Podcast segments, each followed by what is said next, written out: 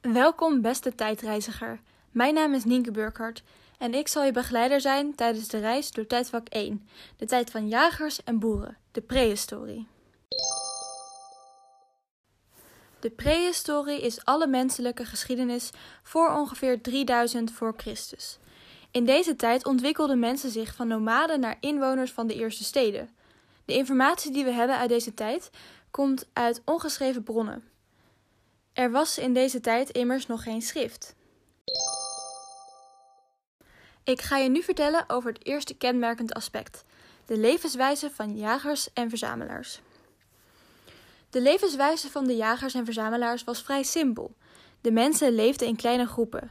Er was niet echt een georganiseerd bestuur, omdat het in zulke kleine groepen niet echt nodig was. Er was wel een goede verdeling. De mannen gingen jagen op dieren en de vrouwen gingen vruchten en ander voedsel uit de natuur verzamelen. Iedereen was ongeveer even belangrijk in de groep. Er was geen arm of rijk. Er was dus gelijkheid. Jagers en verzamelaars waren nomaden. Dit betekent dat ze zich constant verplaatsten. Ze hadden ook niet echt een keuze, want na een tijdje waren de dieren uit het gebied vertrokken en was al het voedsel uit de natuur op. Ze moesten wel. Ik ga je nu iets vertellen over het tweede kenmerkend aspect: het ontstaan van landbouw en landbouwsamenlevingen. Op een gegeven moment veranderde de levenswijze van jagers en verzamelaars. Dit kwam door het ontstaan van landbouw. Mensen kwamen erachter dat er groente en ander voedsel ontstond als ze zaadjes in de grond stopten en daar goed voor zorgden. Dit gebeurde voor het eerst in de vruchtbare halve maan. Dit is de naam voor het gebied rond twee rivieren in het gebied dat nu Irak is. Een andere naam voor dit gebied is Mesopotamië. Met de ontdekking van landbouw en veeteelt gingen de mensen langzaam over naar landbouwsamenlevingen. Dit betekent dat ze op een vaste plek gingen wonen en zo ontstonden er ook dorpen. Deze overgang duurde duizenden jaren. De groepen mensen werden iets groter. De landbouwsamenlevingen waren autarkisch.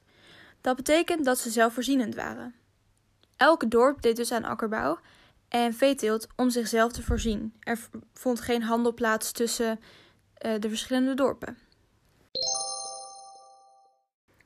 Dan ga ik je nu iets vertellen over het laatste kenmerkend aspect van dit tijdvak. Kenmerkend aspect 3 heet het ontstaan van de eerste stedelijke gemeenschappen. In de landbouwsamenlevingen ontstonden voedseloverschotten, ofwel voedselsurplus. Deze overschotten maken het mogelijk dat niet iedereen bezig hoeft te zijn met het zorgen voor voedsel. De mensen gingen zich specialiseren en er, en er ontstonden ambachten.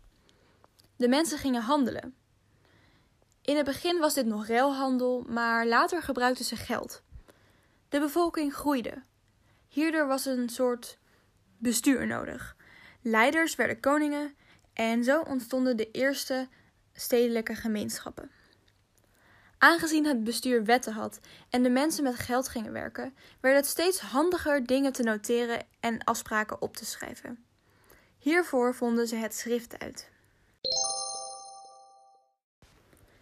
Niet op elke plek in de wereld vonden de ontwikkelingen besproken in deze podcast op hetzelfde moment plaats. Dus het ontstaan van het schrift wordt gezien als het einde van de prehistorie. Bedankt voor het luisteren naar deze podcast over tijdvak 1. Ik hoop je snel weer te zien bij tijdvak 2.